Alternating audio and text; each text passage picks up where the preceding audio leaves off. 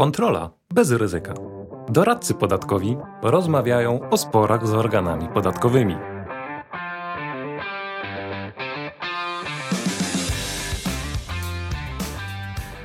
Dzień dobry Państwu.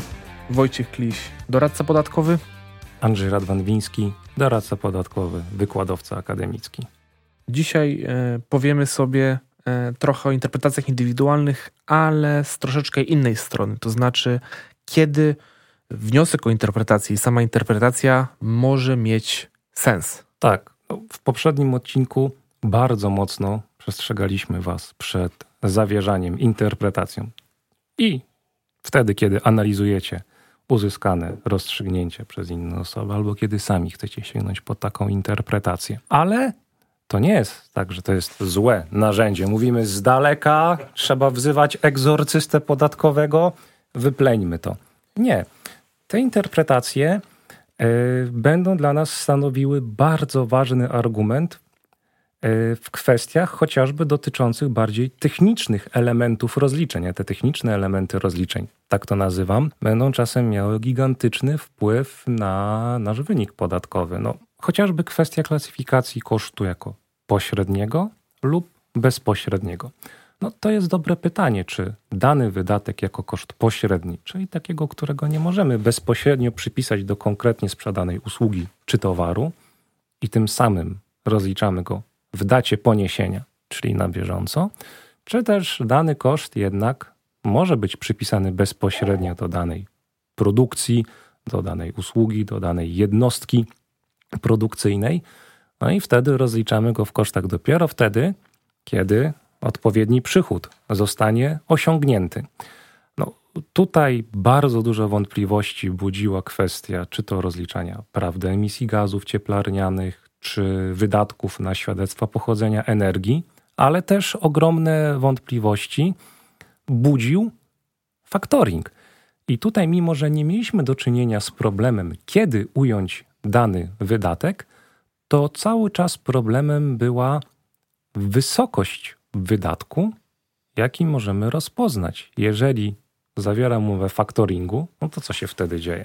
To moje wierzytelności wobec moich klientów za dostawę towarów czy zaświadczenie usług przenosiłem na na przykład bank, który zapewniał mi usługę faktoringu, a bank wypłacał mi na przykład 90-95% tej wierzytelności i potem już samodzielnie zbierał płatność od mojego klienta. Dobra sprawa, zapewniało mi na bieżąco płynność finansową, szczególnie w dobie COVID. Miało to duże znaczenie dla przedsiębiorców, nawet PFR zaczął oferować bardzo preferencyjne faktoring. Tu mieliśmy dwa duże rodzaje problemów. Po pierwsze, e, z uwagi na nawet nie tyle co niejasność przepisów, ale brak zrozumienia tego przepisu przez organ wydający interpretację, mieliśmy dyskusję, czy mogę zaliczyć tą wartość wierzytelności, którą przenoszę na bank, do kosztów podatkowych w kwocie brutto czy netto. Ba, nawet długo była dyskusja, też sądy nie mogły się zdecydować, czy to w ogóle jest odrębna transakcja, czy też traktujemy to tylko za techniczną spłatę istniejącego zobowiązania. I w sytuacji takiej niepewności co do wykładni przepisu, no, ta interpretacja indywidualna, nawet jeżeli przedstawiała stanowisko, które potem okazało się złe, no to dawała nam ochronę. Jeżeli robiliśmy tak, jak wskazano nam w interpretacji, nie mogliśmy w tym zakresie ponieść negatywnych konsekwencji, bo potem na przykład została taka interpretacja zmieniona, oczywiście już po zmianie, na przykład do interpretacji ogólnej. Musieliśmy zmienić stanowisko, ale za wcześniejsze lata nikt nie mógł zapukać, powiedzieć: Mamy interpretację ogólną, która mówi, że trzeba robić inaczej niż wy do tej pory robiliście. Wtedy mówimy: Dziękuję, ale mamy interpretację, która potwierdzała, że zawarcie umowy faktoringu i przeniesienie wierzytelności na bank nie jest odrębną transakcją, nie rodzi obowiązku podatkowego. Oczywiście od momentu wydania interpretacji ogólnej stosujemy nowe podejście, ale za te wcześniejsze lata nie możecie nam teraz określać przychodu podatkowego.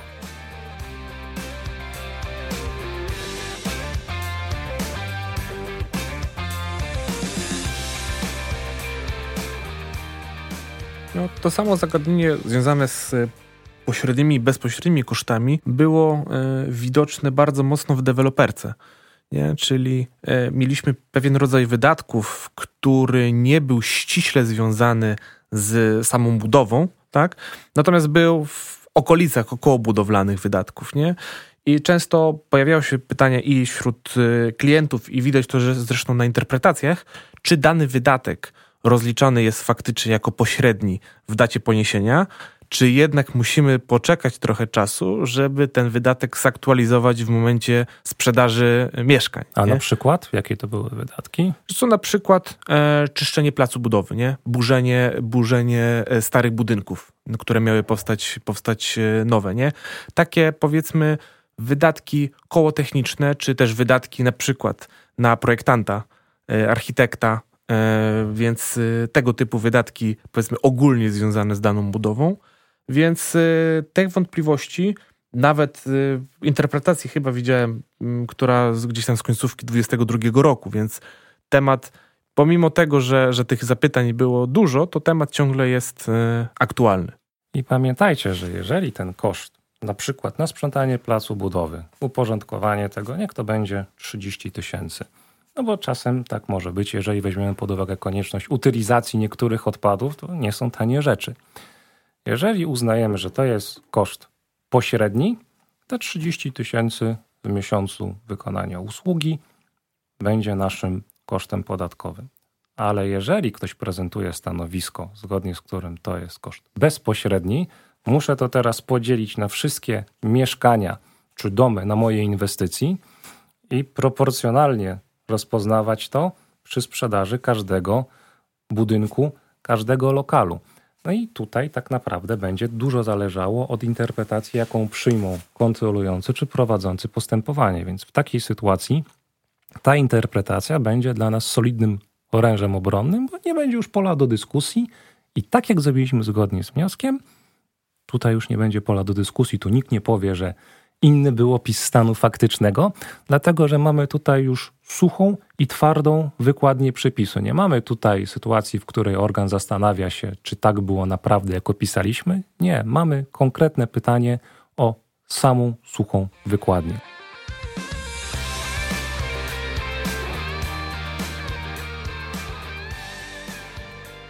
Kolejna ważna rzecz to na przykład skuteczność złożenia zawiadomienia o wejściu na CIT estoński.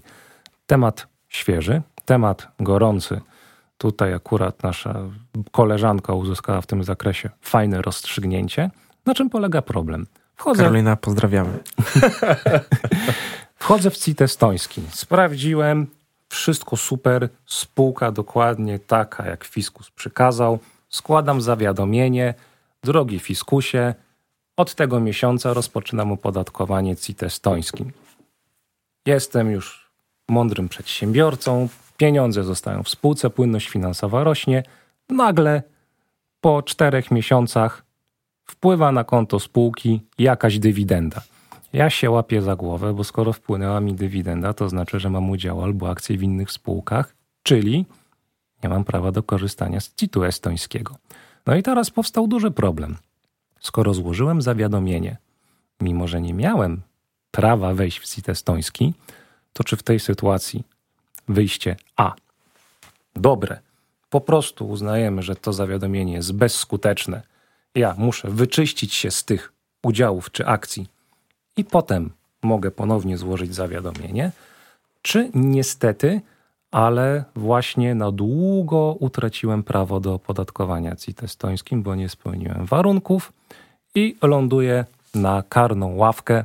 Na trzy lata chyba, nie? To są chyba trzy lata, także na dość długi okres wypadam z CIT-u estońskiego. I tutaj akurat interpretacja w obszarze, który nie dostarcza na poziomie lektury przepisu żadnych odpowiedzi, stwierdziła, jeśli w takiej sytuacji złożyłeś zawiadomienie, uznajemy, że to zawiadomienie jest bezskuteczne i jak wyczyścisz się z tych udziałów lub akcji, możesz to zawiadomienie złożyć ponownie i wtedy z miesiącu złożenia zawiadomienia wchodzisz na CIT estoński. Nie bój się, nie dostajesz teraz karniacza, nie lądujesz na ławce rezerwowych na lata z CIT-em estońskim.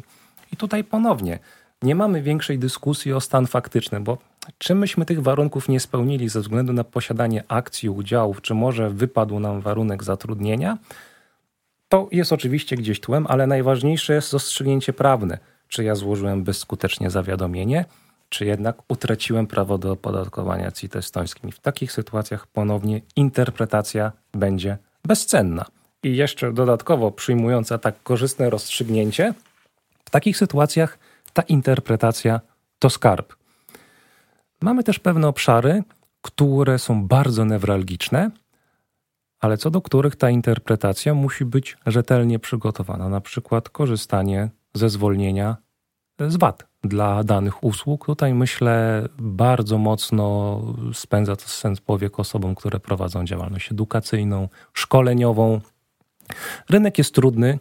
Odbiorcami są zwykle osoby, które nie tych szkoleń w ramach prowadzonej działalności, więc 23% e, podatku VAT na trudnym i ciasnym rynku może decydować o być albo nie być przedsiębiorcą. Ta kwota VAT potrafi zjeść całą marżę. No, nie powiem, mamy tutaj wielu kombinatorów, którzy tworzą jakieś pseudo stowarzyszenia, kluby sportowe, które nie są klubami sportowymi, tylko przedsiębiorstwami, ale świadczą usługi tylko dla swoich członków.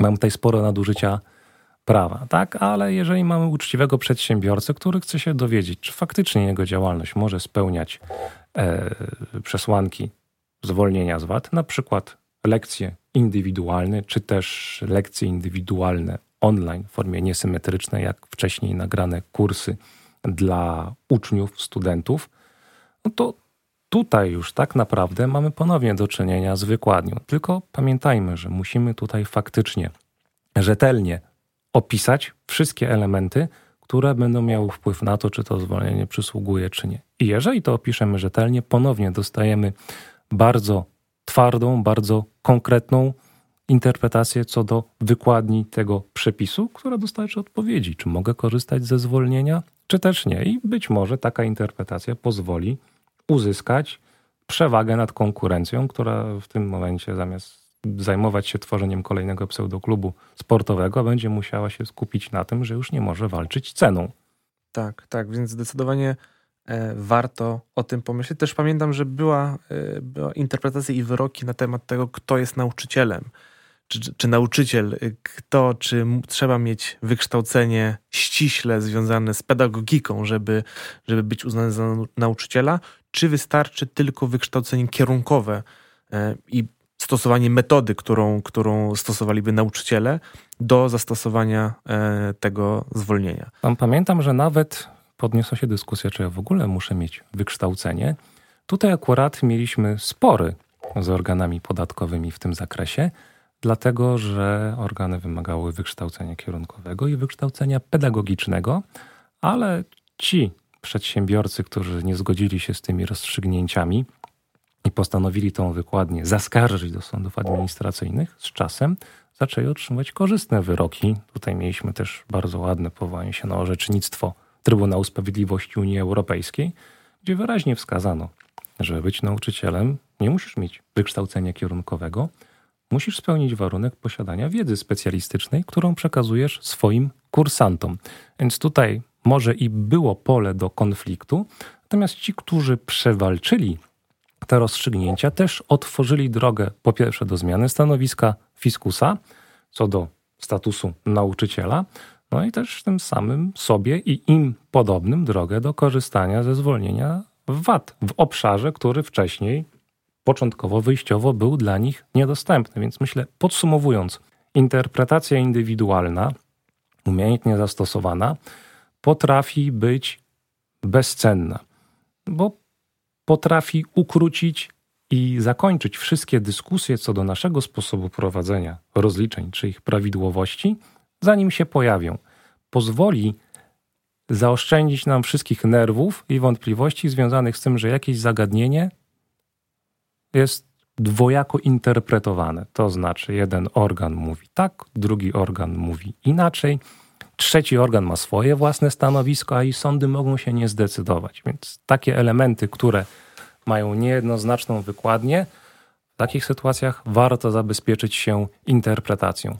E, obszary, które mogą mieć wpływ na nasz biznes, pozwalając nam kształtować naszą politykę cenową, które też zależą od wykładni przepisu, jak na przykład wykładnia zwolnienia dla szkoleniowców czy nauczycieli, również w tym zakresie interpretacja indywidualna, ale dobrze zrobiona, będzie dla nas bezcenna, albo ewentualnie potwierdzi nam, że ten kierunek nie jest dla nas, chyba że postanowimy, widząc oczywiście sens takiego sporu, przewalczyć odmienne stanowisko przed sądem administracyjnym. Ale tutaj ponownie musimy być pewni naszych argumentów co do przedstawienia innego korzystnego stanowiska. I musimy okazać trochę cierpliwości, bo na sprawiedliwość trzeba troszkę poczekać, jeżeli chodzi o WSA i NSA. Tak jest. Natomiast poza takimi obszarami spornymi, gdzie będziemy chcieli coś wywalczyć i zmienić podejście fiskusa, zmienić rzeczywistość, w jakiś sposób ukształtować nasze otoczenie prawne, to interpretacja, która zabezpieczy nas przed różnym podejściem do wykładni przepisu, jest zawsze warta swojej ceny. Razy dwa wyrażonej w bitcoinach i platynie.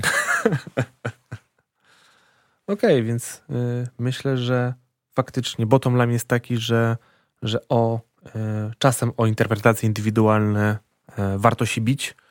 E, trzeba to robić po prostu z głową i mieć na uwadze te obszary, w których faktycznie mamy coś do ugrania, a nie podkładamy sobie kłody pod nogi. Myślę, że możemy powiedzieć, że interpretacja indywidualna jest narzędziem, ale narzędziem, które potrafi być dość niebezpieczne. To może być porównane do spawarki albo do skalpera chirurgicznego. Wiecie, no, w, w rękach osoby, która posiada odpowiednie umiejętności i doświadczenie, może ratować życie. Albo może stworzyć coś nowego, albo naprawić coś, co wydawało się nienaprawialne i przywrócić to do życia.